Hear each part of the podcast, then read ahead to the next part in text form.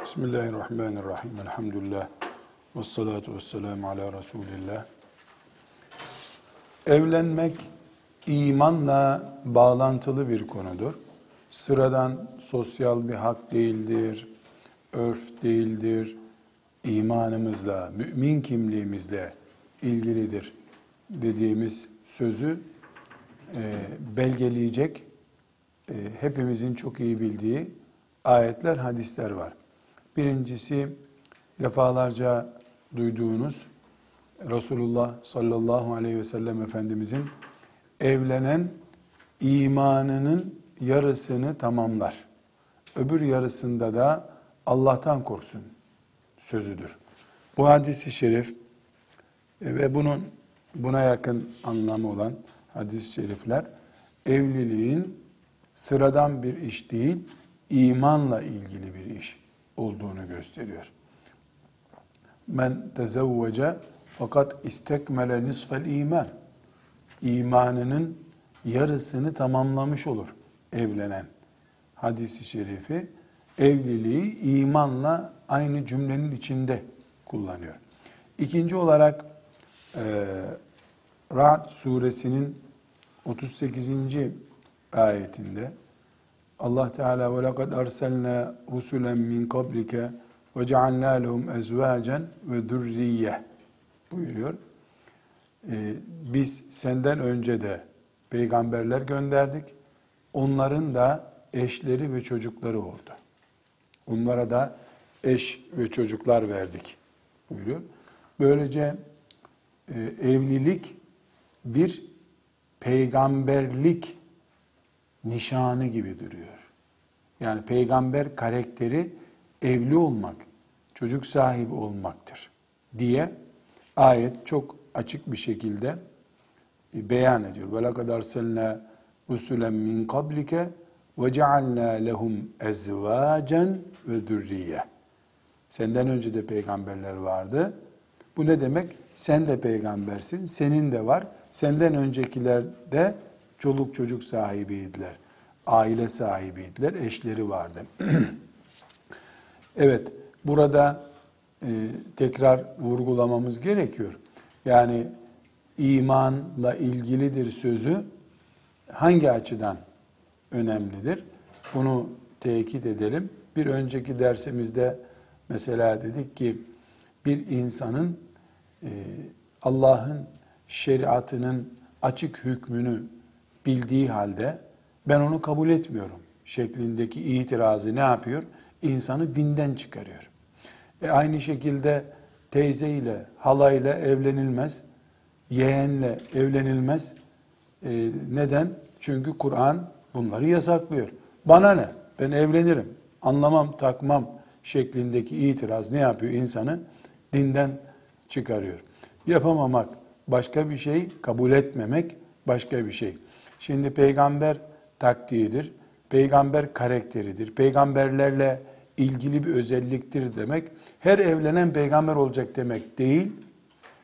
Evlenmeyen de peygamberlerin yolunun dışına çıkmış değil. Ne peki? Yani bu düzey peygamberlerin ilgilendiği bir karakter düzeyidir. Ama şahıstan şahısa da hüküm değişir. Mümin bunu imanı ile ilgili kabul eder. La nuferriku beyne ahadim min rusuli peygamberlerin tamamına iman ettiğine göre sen tamamının karakteri olan evliliği de bu düzeyde kabul edersin. 18 yaşında evlenirsin, 38 yaşında evlenirsin, 45 yaşında evlenirsin. E, bir düzey koyarsın. E, mesela e, çokça sorulan fetva meclisine gelen sorulardan biri evin tek kızıyım. Annem şu hastalığa muzdarip. Ben evlenirsem ona kimse bakamayacak. Ben evlenmesem günah mıdır? Cevap ne vereceğiz buna biz? Annene bakman, hizmet etmen hem ibadet hem Allah'ın emri. Ama bunun bir düzeyi var. Anneye hizmetin bir düzeyi var. Yani e, mesela farzlar 100 puansa e, namaz yüzdür, anneye hizmet yüz değildir. 98 olur. Namazdan geri olması lazım biraz puan olarak. Sembolik söylüyorum böyle bir şey yok yani böyle bir rakam olmaz. Anneye zulmetsen yani bana ne hastalığından deyip çekip gitsen bu bir haramdır. E faiz de haramdır, bu da haramdır.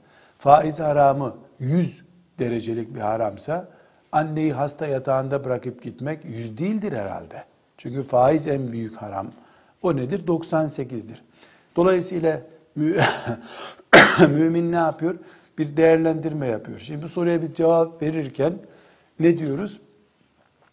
Evlilik senin için ne durumda ona bak diyoruz. Ne durumda evlilik? Yani sen zinaya düşme tehlikesi hissediyor musun? Yok. Öyle bir tehlike yok. E o zaman anana hizmet etmek senin için cihattır. Hiç merak etme. Yok. Bu arada da evin duvarları bile sana eş gözüyle görünmeye başladı. Şehvetin seni iyice ezmeye başladı. Ne oldu? Daha büyük bir haram. Zina haramı karşına çıktı. O zaman ne yapacaksın? Evlilik alternatiflerini değerlendireceksin. Ne yapacaksın? Hem annene bakabileceğin hem evlenebileceğin bir evlilik ihdas edeceksin. O olmadı. E o zaman annene hizmetçi tutulacak.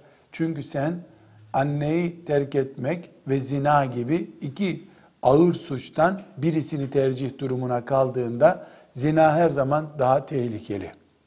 Yani bu ne oldu? Neye örneklendiriyorum? Bu çok sorulan bir soru olduğu için söylüyorum. Mesela e, buna böyle bir cevap verdim.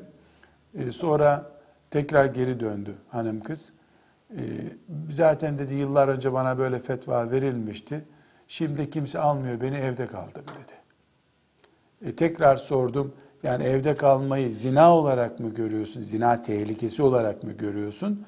Yoksa evde kaldım diye mi görüyorsun? Cevap verdi. Dedi ki evde kaldım olarak görüyorum dedi. Yani zina diye bir tehlikem yok. E, yazıklar olsun dedim. Evlenip bir hafta sonra boşanan, kocası trafik kazasında ölen, kanser olup ölenler de evlerine geliyorlar. Yani evde kalmak bir ayıp değil ki. Günah değil ki. Ne demek evde kalmak? Yani sanki sokakta kaldım der gibi evde kaldım. Bu hayatı yanlış anlama, e, bir, bir noktaya kilitlenip daha ilerisini düşünememe hastalığı bu. Yani evlilik peygamber karakteridir derken evlenmeyen peygamber düşmanıdır manası çıkmaz bundan. Düzey olarak o düzeydir. Seni Rabbin başka türlü imtihan edecektir. Otur oturduğun yerde. Herkes imtihanına razı olsun.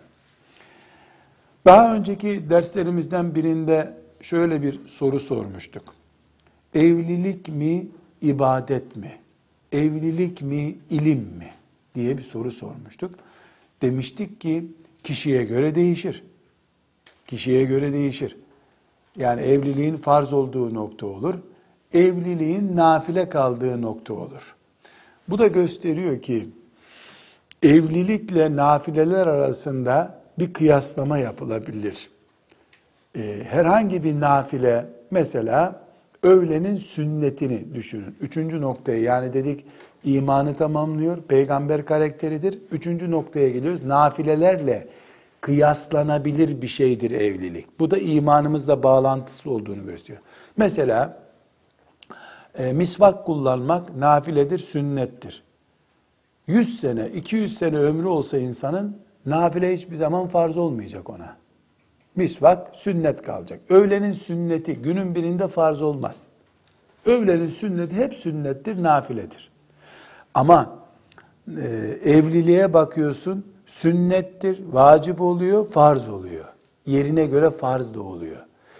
E, kıyas ettiğimizde evliliğin esnek bir konumda durduğunu görüyoruz. Bu konum sünnetlik konumu da olabiliyor, farz konumu da, vacip konumu da olabiliyor. Ama herhangi nafile dediğimiz ibadetler ömür boyu hep nafiledir. Umre ibadeti hiçbir zaman farz olmaz. Adak yaparsan belki nafile derecesinden biraz daha yukarı çıkar, vacip olur. Ama evlilik nafiledir, umre ile aynı kategoridedir. Sıkışınca kız veya erkek vacibe çıkıyor. İyice sıkışınca farz oluyor. Bu sefer umreden daha değerli oluyor. Umre ne olursa olsun hiçbir zaman evliliğin yükseleceği kadar yükselemez. Veya herhangi bir nafile ibadet. Ama e, evlilik hararetine göre değişiyor. Yani 40 puanda da kalıyor, 80 de oluyor, 100 de oluyor.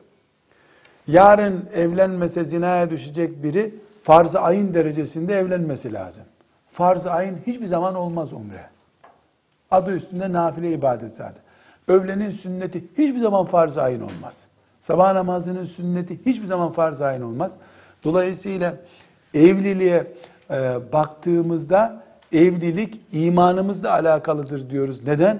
Çünkü evlilik kaynıyor kaynıyor buharlaşıp farz seviyesine gelebiliyor. Diğer nafileler gelemiyor.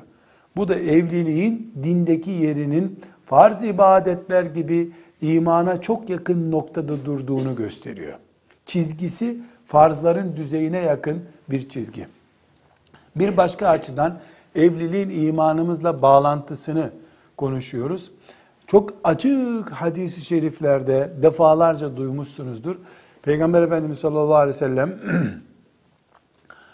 e, kişinin hanımına yaptığı harcamayı, evde çocuklarına yaptığı harcamayı sadaka olarak görüyor. Hatta e, esprili bir şekilde hanımının ağzına koyduğu lokma sadakadır diyor.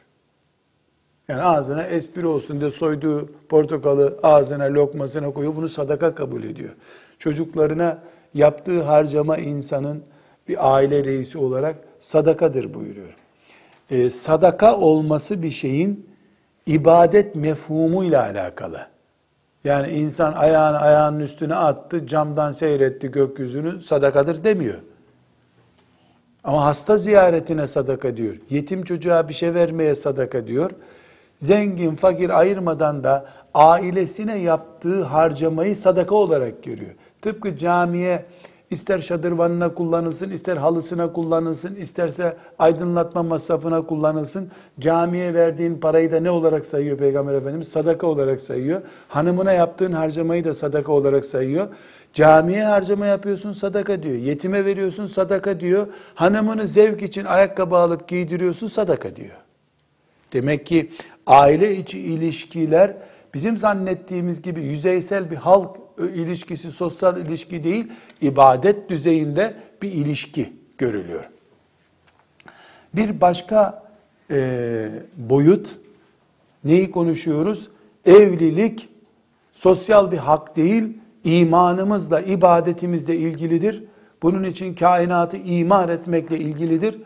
Bir Müslüman kız, Müslüman erkek bunu dua, gelin arabasına, damat elbisesine falan harcayamamalıdır, feda etmemelidir. Büyük düşünmelidir. Küçük bir şeyle karşılaşsa bile o büyük düşünsün, büyük düşündüğünün karşılığını Allah'tan alsın diye haykırıyoruz. Bunu ispat eden şeyleri söylüyoruz. Ve her şeyi bir kenara, her şey bir kenara. Yukarıda saydığımız imanın yarısıdır, peygamber karakteridir, e, nafile ibadetlerin üstündedir e, ve e, yaptığı harcamalar bırak bir kenara bunu. Sahih hadisi şeriflerde Peygamber Efendimiz sallallahu aleyhi ve sellem üç kız çocuğu büyütene cennet vaat ediyor mu etmiyor mu? Kim kız çocuğuyla karşılaşır da yani bir kız çocuğu büyütmek imtihanıyla karşılaşırsa ona iyi davranır ve iyi yetiştirirse kânet lehu hicaben minen nar. O kız çocuğu onun cehenneme karşı koruması olur. Cehenneme girmez. O kız çocuğu sayesinde diyor mu demiyor mu? Hiçbir şeye gerek yok. Kız çocuğu büyüten cehennemden kurtulur diyor. Ama Müslümanların başına uyuz bir bela ettiği kızı değil herhalde. Resulullah'ın aradığı kız aleyhissalatü vesselam. Ümmetin doğurma, insan yetiştirme, kainatı imar edecek çocuk makinesi olan kadın. İlahiyat okuyacağım, medrese okuyacağım diye ahlakını sıfırlamış kız değil. O onu demiyor.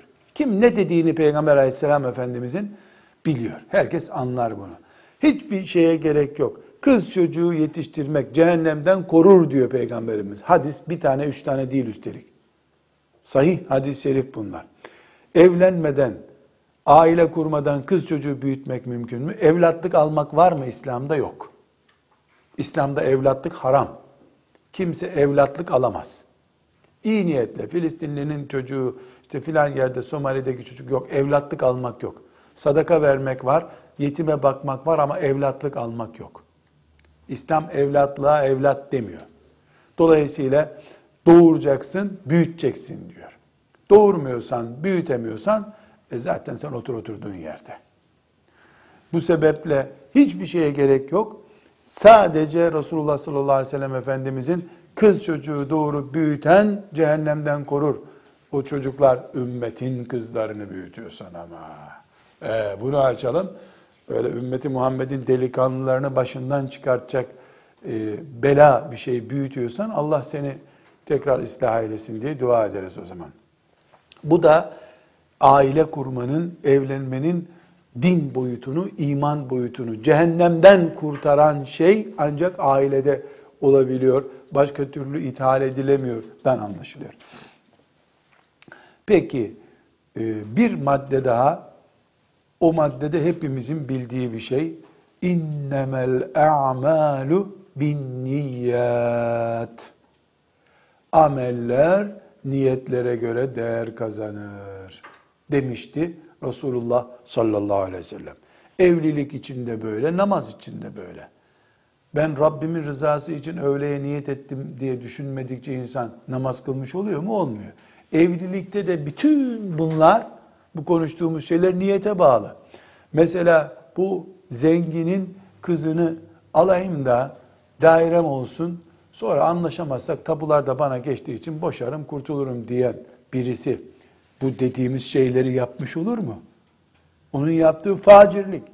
Evet, zengin bir kızla evlenmek günah değil ama o maksatla evlenmek e, ibadet değil. Bu sefer ibadet derecesi düşmüş olur. Yahut da e, filanca filancanın oğludur. Onunla evleneyim, o eve gelin olayım, sonra ya nasip. Bakarız hesaba. Hayvanca bir istek bu. Evet, buna da Efendimiz soy, sop, makamdan dolayı evlilik caizdir diyor ama bu yandan bir niyet olabilir. Böylece birisinin malını ele geçirmek için belki de nikah değildir o nikah. Çünkü nikahta evliliği değil malı ele geçirmeyi düşünüyorsun sen. Veyahut da apartmanı ele geçirmeyi düşünüyorsun. Muta nikahı gibi bir şey bu. Çok batıl, batıl yanlış bir şey.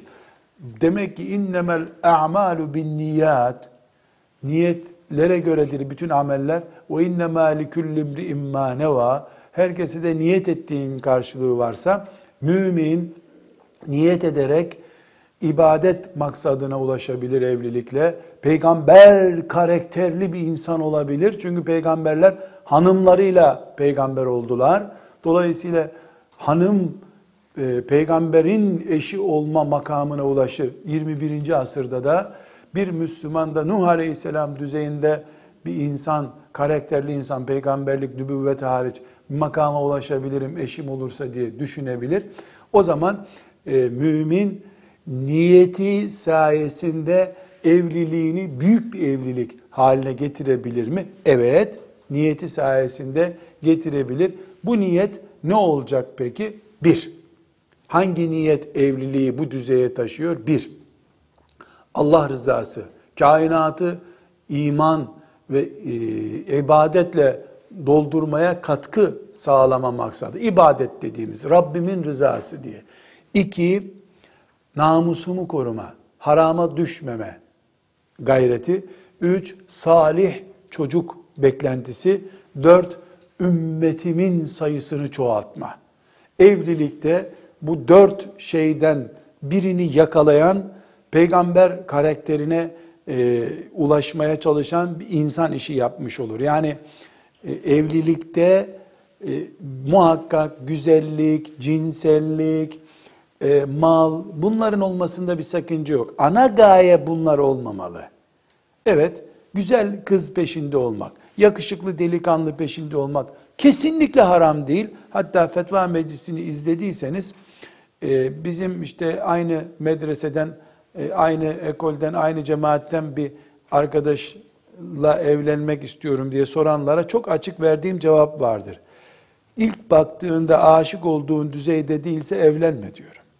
Gözün doymadığı, cinselliğine hayran olmadığın biriyle evlilik olmaz.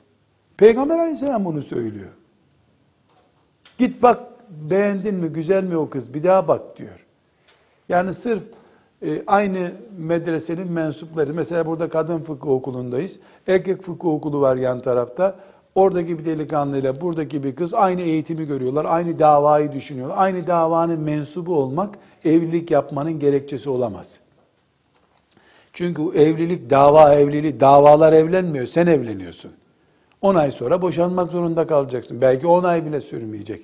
Bu sebeple elbette e, bilhassa gençler severek, birbirlerini beğenerek evlenmelidirler. Ama bu sevgiyi, bu güzelliği, bu bedenimizin e, ahengini dört niyetten birisiyle damgalayalım. Mesela niyetimiz biz evleneceğiz, ümmet çoğaltacağız. Ümmetimizin sayısını artıracağız. Biz evlendiğimiz için salih bir çocuğumuz olacak. Salih çocuğumuz makine gibi bize sevap kazandıracak biz ölünce de. Veyahut da biz evleneceğiz ama e, benim harama düşme tehlikem var. Sen benim haram bekçim olacaksın. Tamam mı? Onun için evleniyoruz. Bak bu da mübarek bir niyet. Bu da mübarek bir niyet. Meryem annemizi aleyhisselam e, Allah Teala överken fercini korudu diyor. Fercini korudu diyor. Namusunu korudu yani. Demek ki namus korumak diye bir hedef var. Yani sadece Maraş'ı işgal edince Fransızlar gidip peçeyi namusu korumak değil namusu korumak. Ta insanın çocukluktan itibaren namus koruması o değildir. Asıl koruma namusu, ferci, iffeti helal yöntemlerle susturmaktır. Asıl koruma odur. Öbürü saldırıya karşı korumaktır. Dolayısıyla ben nikahlanıyorum. Nikahlanmamdaki gayem şehvetimi helal bir şekilde susturmaktır. Billahi cihattır yaptığı bunun. O biçim cihattır. Ve sevap kaynağını kullanmaktadır. Bunu da Efendimiz sallallahu aleyhi ve sellem söylüyor. Bu soruyu ashab-ı kiram e, nasıl olur ya Resulallah böyle büyük niyetler, büyük işler e haramda kullansaydı bunu cehennemlik olmayacak mıydı? Olacaktı. Haramdan kurtulmaktan büyük ibadet var mı buyurmuş. Haramdan kurtuluyor ya. Haramdan kurtulmak. Haramdan kurtulmak. Haram, haram. Bir kere haramdan kurtulmuş damgası almak için meleklerden öyle bir icazet almak için bin sene yol kat etmeye değmez mi de? Bir haram cehenneme sürüklüyor mu? Sürüklüyor. Bir kabul olmuş tövbe cennete sokuyor mu? Sokuyor. E tamam haramdan kurtuluyor işte. Dolayısıyla dört büyük niyet bizim e, evliliklerimizi perçinlemeli. Allah rızası için peygamberinin sünnetine uymak istiyorum. Evlilik niyeti. İki, namusumu, fercimi, cinselliğimi harama bulaştırmak istemiyorum. Muhteşem niyet. Salih evlat, salihat kız, salih erkek istiyorum. Muhteşem niyet ve bu ümmet benim elimden 5-10 kişi daha artsın. Muhteşem niyet. Bunlarla evlilik ah işte meleklerin düğününe geldiği evlilik bunlardır. Zaten bu niyetlerden birisi evlenen, bir niyetle evlenen kimsenin takısına makısına muhtaç değil. Peşinde melekler var onun be. Ne yapacaksın sen takıyı? Sana ne takacaklar? Bu büyük evlilik ve şu bakış tarzımız bizim maalesef hanım kızlarım e, heder oldu. Heder oldu. Yani bizzat gencecik yetiştirilmiş, işte hoca hanım vesaire olarak yetiştirilmiş kızlarımız bile, delikanlılarımız bile evliliklerini çok küçük değerler uğruna helak ediyorlar ve bereketsiz evlilikler. Yani şunu üzülerek söylüyorum. Ben hep e, benim fetva meclisine gelen soruların böyle olduğunu zannediyordum. Hangi hoca efendiyle oturuyorsam benden fenaymış deyip ağzımı açmıyorum hiç. Aman aman deli deliyi görünce çomağını saklarmış. Ben hiç daha bir kötü bir şey yok diye vazgeçiyorum. Şimdi neredeyse e, nikahlanırken hani kabul ettiniz değil mi diye soruluyor. Korkarım yakında ne zaman ayrılmayı düşünüyorsunuz diye de soru sorulacak. Çünkü evleniyor muhakkak boşanacaktır bunlar. Ölünceye kadar kalmak diye bir evlilik hemen hemen kalkıyor literatürden. Çünkü 100 kişi evleniyor, 80 kişi boşanıyor. Bu ne biçim evliliktir? Evliliğin bereketi gitti, bu büyük gayesi gitti.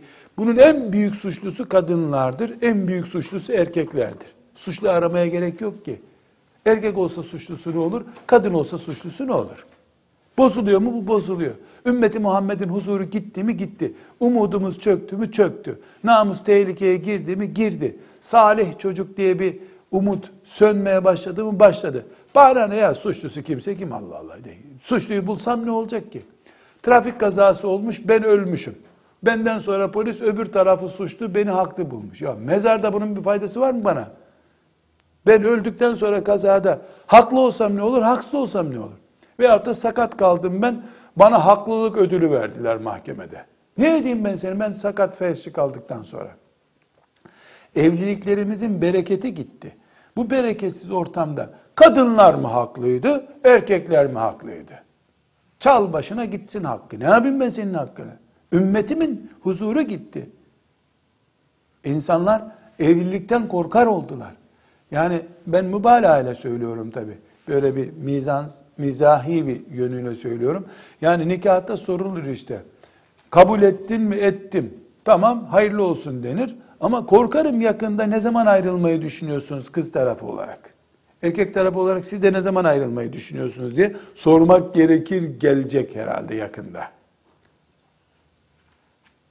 Çünkü e, komik bir duruma düşüldü. Bu kadar büyük bereket, arşla bağlantılı, peygamber silsilesiyle bağlantılı bir konu çoluk çocuk oyuncağı haline geldi.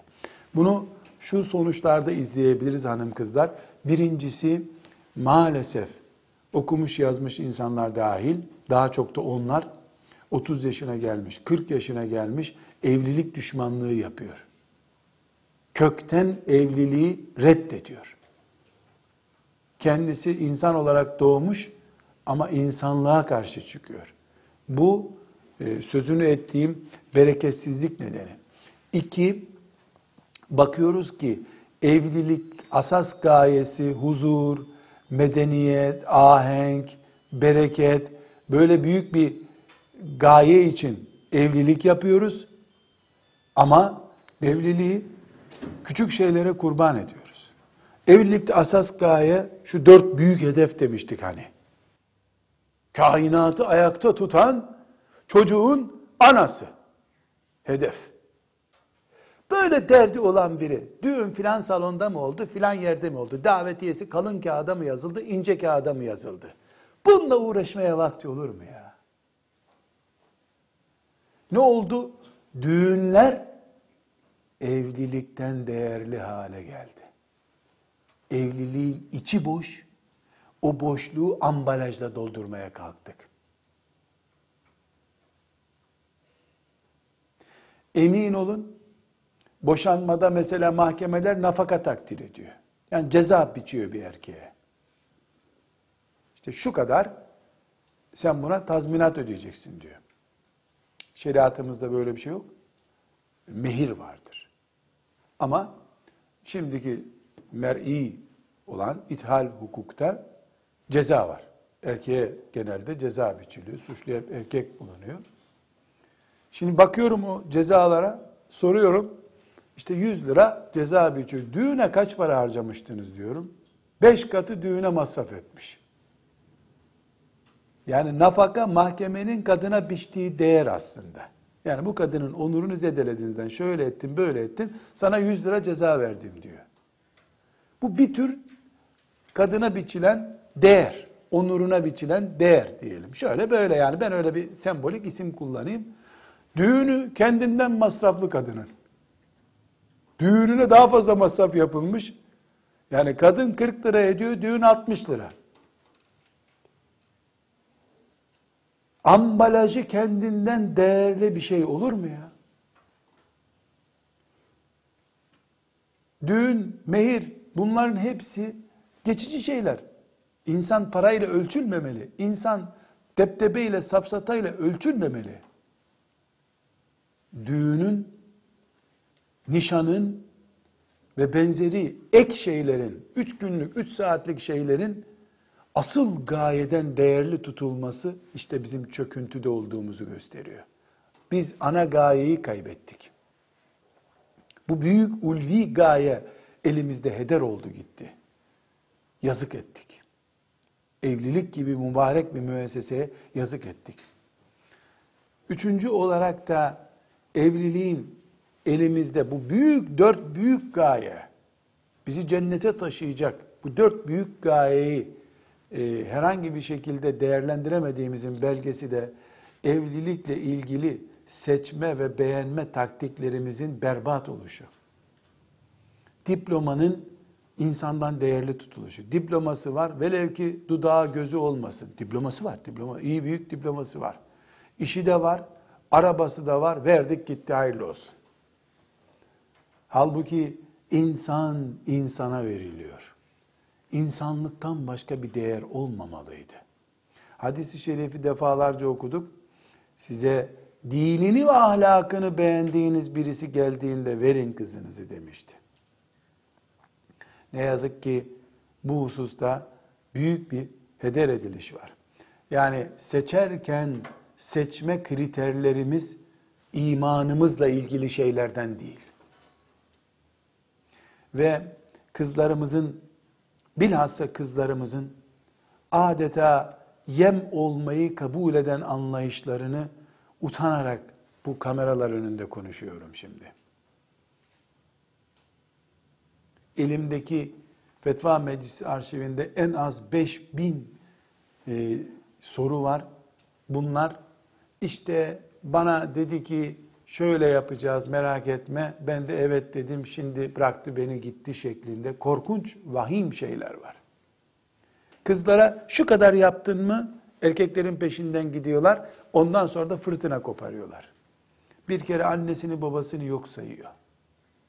İstişare ve istihareyi yok sayıyor. Uydurmuş millet bir istihare. Yattım istihareye, kuluçkaya yatar gibi. İstihareye yattım, beyaz çıkmıştı. Niye bu iş olmadı? Mübarek uzay istasyonunda kuluçkaya yattı, uzayı beyaz gördü. Böyle bir istihare. İstiharenin sünneti bir şeysi değil bu. Evlilik çok güçlü bir istişare ve istihare üzerine kurulmalı. İstihare kuluçkaya yatmak değildir, uykuya yatmak, bir şey görmek değildir. Evlilikle ilgili istişare nedir? Kim kimle evleniyorsa onun hakkında iki türlü istişare yapacak. Bir, onu tanıdığına inandığı insanlara soracak. Ne biliyorsunuz bunun hakkında diyecek. Bunu gider de mesela filan fakültenin birinci sınıfındaki bir delikanlıyı o fakültedeki bir arkadaşına sorarsan iki aydır aynı sınıfta okuyorlar onlar. Ne seni ne kadar tanıyacak? Onun çocukluğundan itibaren bilen birine soracaksın. Bir. İki, elde ettiğin dökümanları alim, faziletli, ahlaklı bildiğin birine verip bu evlilik uygun mudur diye soru soracaksın. Buna istişare denir. Ama bütün bunları aşık olmadan yapacaksın. Sadece senin aşkını onaylatmak için uygundur değil mi? Çabuk uygundur deyin diye soru sormak abes bir şeydir. Öyle istişare olmaz.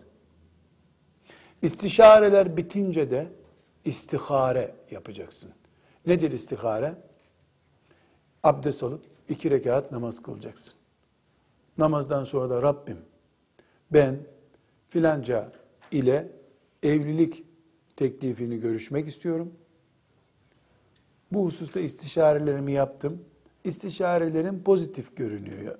Yani bir olumsuz sonuç olsa istihareye gerek yoktu zaten. Sigara içiyor dediler mi sana sormaya gerek yok. İstihare bitti tamam o, o teklif kapandı diyecektin.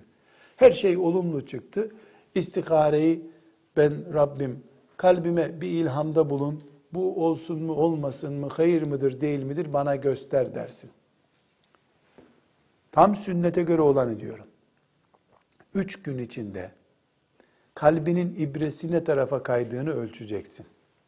Mesela evlilikle ilgili istişareyi yaptığın şahısın sonuçları yüzde 60 olumlu, yüzde 40 olumsuz görünüyordu. İstihare yaptın, Yatmaya, kalkmaya gerek yok. Kuluçkaya yatmaya gerek yok. Ee, üç gün içinde bu meyil yüzde doksanlara çıkmaya başladı. Heh, istiharenin sonucu olumludur. İstihare yaptıktan sonra yüzde altmış olan kanaat kırklara indi. Hemen kapatıyorsun dosyayı. Bitti. Ve istihareyi sen yapacaksın. Baklavayı başkası yiyor, sen mao ne güzel oldu diyorsun. Biberi başkası yiyor, sen acıydı diyorsun. Öyle bir şey olur mu bu dünyada ya? Senin istihareni nasıl başkası yapar? Bir, birisine diyorsun biberi ye, sen hmm, acıydı diye dudaklarını buruşturuyorsun. Onun dudağındaki acılıktan sana nereden geliyor? Filancılar böyle yapıyor. Ben Resulullah tanırım sallallahu aleyhi ve sellem. Sahabi bize iki rekat namaz öğrettiği gibi istihare de öğretti diyor ve böyle tarif ediyor. Bu istihare ve istişare yapılmıyor. Nasıl yapılmıyor? Bir de istişareyi kız veya erkek kimden iyi cevap alacaksa onunla yapıyor. Kim he diyecekse ona soruyor. Kendi kendinin başını kumar sokuyorsun. İki, istihareyi birisine havale ediyorlar. Yok beyaz ip gördün, siyah ip gördün, buzdolabı gördün. Rüyasında aygaz tüpü görmüş. Hükmü nedir? Patlayacak evliliğiniz. Bunlar cahilce şeyler. İstihare Allahu Teala'nın senin kalbini ne tarafa kaydırdığının sonucudur. Buna istihare denir. E ben iki rekat namaz kılıp böyle dualar yapamam. Sen kimle evleniyorsan evlen o zaman. Senin hiçbir zarar yok. Sen serbestsin. Evlenebilirsin sen. İki rekat namaz kılamıyorsan sen evliliğin serbest senin o zaman. Yani neyi konuşuyoruz? Sünnete uygun dünyanın ayakta durmam sebebi olacak bir evliliğin nerede kaybolduğunu konuşuyoruz. Nerede gitti? Bu mücevheri nerede kaybettik biz? Biz böyle bir ümmet miydik?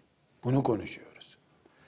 Gencecik yaşında çok uygun gördüm diyor. Çok uygundu, çok anlayışlıydı. Kızım kaç yaşındasın sen? 21. Kaç kere evlendin bundan önce? Evlenmedin. Kaç erkekle oturdun kalktın yüzlerce defa? Haşa namuslu bir.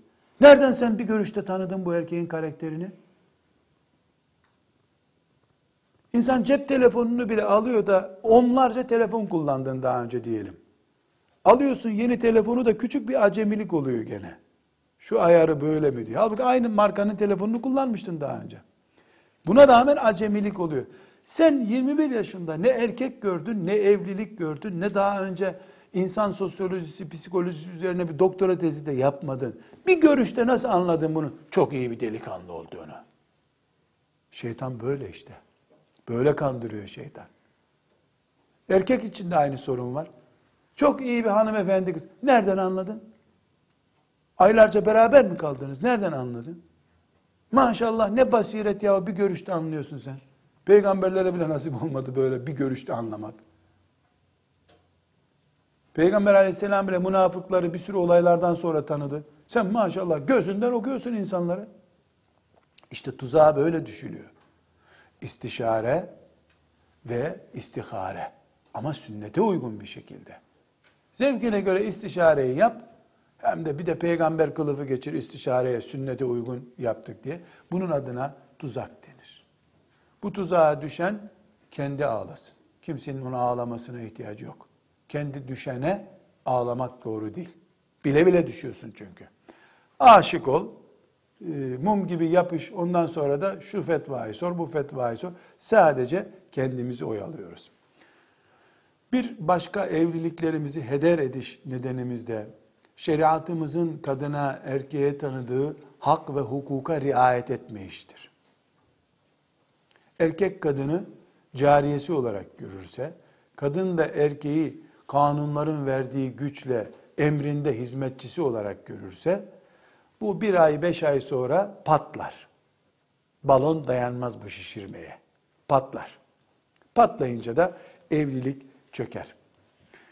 Ve bir başka evliliklerimizin şu kainatı ayakta duracak sebebi berbat eden hale geliş süreci Şu hakikat çok önemli hanım kızlar. Biraz sonra başka bir perspektiften buna bir daha değineceğiz. Hiçbir şekilde hiçbir evlilik hiçbir şekilde hiçbir evlilik hiçbir şekilde hiçbir evlilik sahabinin sahabi kadınla evliliği de olsa sıfır sorunlu olamaz. Olamaz. Milyarda bir rastlar o da sonunda bir bela bekliyordur muhakkak. Çünkü insan Rabbi ile bile sorunsuz gün geçiremiyor. Ufak bir hata yapıyor, istiğfar edip düzeltiyor hatasını. İnsan Rabbi ile onca büyük azamet ve onca küçüklüğe rağmen Rabbi ile baş başa kaldığında hata ediyor da iki insan bir araya gelir de hiçbir sorun olmadan ömür devam ettirebilirler mi? Sorun normaldir evlilikte. Normal olmayan sorunları saksıya koyup büyütmektir. Ufak bir ilaçlamayla, ufak bir nasihatle düzelecek bir evlilik arızasını gübre ile besleyip büyütüp hormonlayıp koca canavar haline getirmek. İnşallah Kur'an'ımızın perspektifinden, hadis-i şeriflerin perspektifinden evlerimizdeki bu aile sorunlarını hormonlamayıp tam aksine budayıp temiz hale getirip cennete girme nimetine nasıl dönüştüreceğimizi özel bir derste göreceğiz inşallah onun yeri gelince. Ama evliliklerde kadınların da erkeklerin de en büyük sorunlarından, hatalarından biri küçük sorunlar doğal olduğu halde doğal bir sorun olduğu halde onu hormonlayıp hormonlayıp ilaçlayıp büyütüp canavara dönüştürmektir. Kadın da bu konuda kusurludur, erkek de kusurludur. Ama kadınların kendi aralarında sorun büyütme taktiklerini daha mahir bir şekilde yaptıklarını herkes bilir. Bu maalesef böyle. Kızım katlanma ona sen. Katlanma ona sen diyen anne, abla, teyze bu canavarı besliyorlar. Esasen tatlı bir cümlenin, iyi bir ikazın, sinirinin geçmesini bekleyip, bak bu yanlış olmuştu değil mi? deyip bir öpücükle kapatılacak bir süreci canavarlaştırmak, evliliği yıkma sürecidir. Allah muhafaza buyursun. Ve evliliklerimizin maalesef berbat duruma gelmesinin en önemli nedenlerinden biri de evliliklerde kurulurken yalanın devreye girmesidir. Boyalı evlilik yapılmasıdır. Bu boyalı evlilikle ne kastettiğimi çok iyi biliyorsunuz. Kadının ziyneti meselesinde bu konuya temas etmiştik. Şimdi bir kız, bir erkek olduğu gibi evlenmeli. Başkasının fotoğrafıyla evlilik yapılmamalıdır. Saçından, dudak boyasından, elbisesine kadar her şey olduğu gibi olmalıdır. Mevcut halin. Bakınız sözümü çok iyi anlayın. Mesela bir erkeğin, bir delikanlının 20 yaşında evlendiğini kabul edelim. 15 yaşındaki ayıp, hatalı sabıkasını evlenirken gündeme getirelim mi diye sorulduğunda sakın Allah örten bir Allah'tır. Sakın bunu gündeme getirme diye fetva meclisinde belki yüz kere yazdım. Sakın ha! La yuhibbullahul cehra bisu. Allah kötülüklerin konuşulmasını istemiyor. 15 yaşında eşeklik ettin. Bırak Allah'la aranda kalsın o iş. Açma bunu. Şu anda nişanlına bunu anlatınca nişanlın açısından bir şey değişecek mi? Yok. Sakın bir daha açma. Bitti. Erkek veya kız. Şu anda sen ne görünüyorsun? Bunda yalancı olma. Karşı tarafı aldatma. Şu anda 20 yaşındasın. Kaç kilosun sen? 60. 60 kiloyum de. Aslında ben 55 kiloydum da geçen gün işte baklava açıyorduk evde ondan fazla atıştırdım 5 kilo aldım 10 dakikada diye yalan konuşma. 60 kilosun sen. Aldatma karşı tarafı.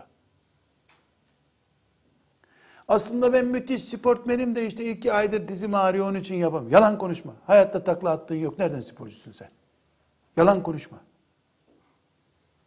Ben çok duygusalım. Var ya şöyle sivrisinek bile cız etse uyuyamam o gece. O kadar duygusalım. Benimle çok nazik konuş. Maşallah duygusal. 40 tane koç kessen yok demezsin Allah. Kandan bile ürkmüyorsun. Nereden duygusalsın sen? Yalan konuşma.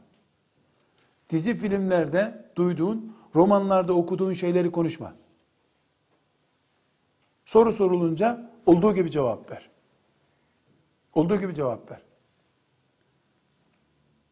Evlendim mi senin cariyen olacağım. Yalan konuşma. Annenden iki saat ayrılınca ağlıyorsun. Nasıl sen onun cariyesi olacaksın? Hayatımı sana bağışlayacağım. Utanmıyor musun lan? Bir kadına hayat bağışlanır mı? Hayat Allah için bağışlanır. Delikanlısın bir de. Sana hayatımı bağışlıyorum diyen anla sahtekar yalan konuşuyor. Bir defa iyi bir Müslümansan Allah'tan başkasına koç bile kesilmez sen kendini kadın için keseceğini söylüyorsun. Demek ki senin Müslümanlığında şüphe var. İyi bir erkek insansan sen, müminsen Allah yolunda şehit olmayı düşünüyorum de. Ulan bunun hiç olmasın doğru yalan olur bu. Hani yalanın da doğrusu olur. Sana ömrümü feda edeceğim. Gerekiyorsa işi gücü bırakarım, aç kalırım sen merak etme. Dilin kurusun. Ne yalan konuşuyorsun? Yapmayacağın şeyleri konuşuyorsun. Bu tip yalanlı badirelerle başlayan evlilik ilk anda çok iyi. Tam aradığım gibi. Hey mübarek o edebiyata kim kurban olmaz zaten. Tam aradığın gibi tam aradığın bela o işte. Tam aradığın gibi ama aradığın bela da o. İyi bir insan erkek veya kadın kimliğini edebiyatıyla, reklamıyla göstermez. Şahsiyetiyle gösterir. Bu sebeple inşallah nişanla ilgili hükümleri konuştuğumuzda o gündeme temas edeceğiz. Bir nişanlanma, tanışmadan sonraki süreç yani mesela 1 Ocak'ta tanıştılar evlilik açısından teklif götürdüler filan. O 1 Ocak'tan sonraki e, evlilik, e, zifaf dönemi en az 90 günü umulmalıdır. 3 ayı bulmalıdır. Ne için? Bu aradaki görüşmeler, aileyi tanıma, köklerini tanıma, annesini, babasını, iki taraf için de söylüyorum, kadın ve erkek için. Ailesini, iki tarafı tanıma, onun iç dünyasını tanıma açısından çok önemli. Salı günü tanışıp cuma günü evlilik olmaz. E bizi filanca tanıştırmıştı, o çok iyi dedi. Ya o onun için iyi. Onun zevkiyle senin zevkin aynı değil ki. Zevkler evleniyor burada. Ona göre mesela ben hocayım, bana bir delikanlıyı soruyorlar. Ya kardeşim bu benim oğlum yerinde doğru. Ya da kızımı soruyorlar. Bu talebe senin 10 sene de, dersinde okudu doğru. Ama bu benim önümde oturmuş bir talebe. Benim önümde saygısızlık yapsa ben onu atardım dersten zaten. Sigara içtiğini bilsem ben dersi dinletme, çık dışarı derdim zaten. Bana üç defa yalan konuştuğunu görsem e zaten ben ona ders okutmazdım. Benim hoca olarak ölçebileceğim şeyler babasıdır. Babasıyla oturup kalkıyorumdur, onu tanıyorumdur. Talebe olarak önümde zaten belli bir klasikle duruyor. Dolayısıyla yüz huyundan bilemedin yirmisini tanırım. Hele kız çocuğuysa o yirmisini de tanımam. Önümde peçesiyle oturuyor. Ben nereden tanıyacağım onu? Ha, iki üç pot kırmıştır. Sinirlidir değildir oradan anlarım onu. İmtihanından karakterini bir miktar anlarım. Yüzde yirmi bilemedin yüzde kırk olsun. Ama sen bunun cinselliğini soruyorsun. Erkeğe itaatini, kadına bağlılığını soruyorsun. Aşık olup olmayacağını soruyorsun. Ağrı Dağı'nın altında ne olacağını ne bileyim ben. Üstünde ot vardı filan yerde derim sana. Bir yerde de erik ağacı vardı onu derim. Altında ne var bilemem ben. Bunu kim bilebilir? Annen bilir kızsa. Gider onunla 10 dakika oturur. Hele abla, mesela evleneceksin mi sen? Senin ablan uydudan trafiği izler gibi izler öbür tarafı. Kadınlar mahirdirler bu işte. Hele evli birisi çok daha mahirdir. Onun gözü keskindir. Bakması da helal onun üstelik. Hoca sana dedi ki çok iyi bir kızdır, çok iyi bir delikanlıdır. Talebeliği iyidir dedi. Bunun ev hayatı nasıl olur? İnanma. İyidir dediyse de inanma, kötüdür dediyse de inanma. Gerçekçi olmak lazım. Evliliklerimizin en kötü e, gerekçeli sıkıntılarından biri bu yalancılıktır. Ve ben özellikle izlediyseniz derslerimde kıblegah ev inşaatı dersinde de vurguladım bunu. Allah belasını verecek bu tiplerin. Yalan konuşuyorlar. Mesela yeğeninin aslında evlenecek bir tip olmadığını biliyor. Ama abisi demiştir ki ona ya sen meşhur adamsın. Bizim kızı evde kalmak üzere. Bir aracı olsana buna ya. O da şimdi yeğeninin böyle bir işine yardım etmek. Vallahi öyle kız bulamazsın ha. Öyle kız bulamazsın. Niye? Helal beslenmiştir. İnek mi alıyoruz biz helal beslenmiştir? Tamam helal samanı iyi samandı, iyi güzel. İnek almıyoruz ki biz. Biz şu kainatın bir sene fazla ayakta kalması için son secde eden mümini yetiştirecek anne arıyorum ben. Sen Müslümansın diye sana referans sorduk, yalan konuşuyorsun. Evet, yeğenin hakkında hoca dolusu alıp yuvanızı yıkmayın diyemezsin belki. Hakikaten denemez. Aile ilişkilerini soğur. De ki yeğenimi yeğen olarak tanıyorum ama bunu bana sormayın siz. Ben taraf tutarım belki. Siz gidin başkasına sorun da öbür tarafta anlar ki yeğenine sahip çıkmadığına göre biz bu kapıdan gidelim. Bak bunda bir sıkıntı yok. Aile ilişkilerini de sıkıntıya sokmamış olursun. Elbette insan kardeşinin kızı için, kardeşinin oğlu için o Allah'ın belasıdır. Uzak tutun onu diyemeyebilir. Dememesi de gerekebilir. Yani dememesi de lazım. Çünkü o kız evlenir evlenmez sen bir daha ablanla, abinle e, akrabalık ilişkisi de kuramazsın. Düşman bilirler seni. Kalkarlar onlar da fitne fesatla senin kızını da e, evinden ederler. Oğlunun yuvasını yıkarlar. Ama politika yap. De ki yani ben amcayım, amcaya sormayın bunu. Amca ne diyecek bu çocukla ilgili? Elbette bunu tahmin edersiniz de. O zannetsin ki bedavadan övüyorum kızımı. Ama sen de vebal alma. Başkasına sorsunlar. Referanslarda sahtekarlık var. Bile bile sahtekarlık. Bilhassa hocalar, hoca hanımlar, işte Yasin okuttum ben bizim evde bu kıza, alın bunu kaçırmayın diyor. Böyle evlenenler hep çürüdü gitti yuvaları. İstisna üç tane beş tane olabilir. El alemin kızını nasıl sen böyle referans ediyorsun? Bir defa sen hocaydın, sana Yasin okumaya geldiğinde bin bir edeple oturdu o kız. Şöyle de, dört ay bende Elif Cüzü ve Yasin okumaya geldi. Dört ayda bir kusurunu görmedim de, abartma. Bu kadar söyle. E, evlilik adayları da birbirlerine gerçek kimliklerini göstermiyorlar. Romanlarda okudukları, ondan sonra dizi filmlerde izledikleri edebiyatları anlatıyorlar birbirlerine. Sonra herkes boyalarını dökünce bir yağmurda, gerçek renk ortaya çıkınca, bu ay benim evlendiğim bu değildi, böyle değildin diyor. Öyle olmadığı doğru. Ama herkes vebal altında. Bir yalan, iki aldatma, hile var bu işte. Müslüman her işi yapar ama yalan konuşmaz. Her iş insanlık hatası bile bile planlı yalan konuşulmaz. Bu sebeple evliliklerimiz maalesef zayi oluyor. Bir üçüncü ders daha yapacağız bununla ilgili. Davetçi, İslami hizmet yapan bir kız, bir erkek açısından evliliğin yan sıkıntılarını da ele almamız gerekiyor. Bir dahaki dersimizde yani evliliği genel olarak şimdi ele aldık. Bir de sizler gibi Allah'ın dinine hizmet etmeyi kendine dert edilmiş. Evlensem de evimi medrese yapacağım.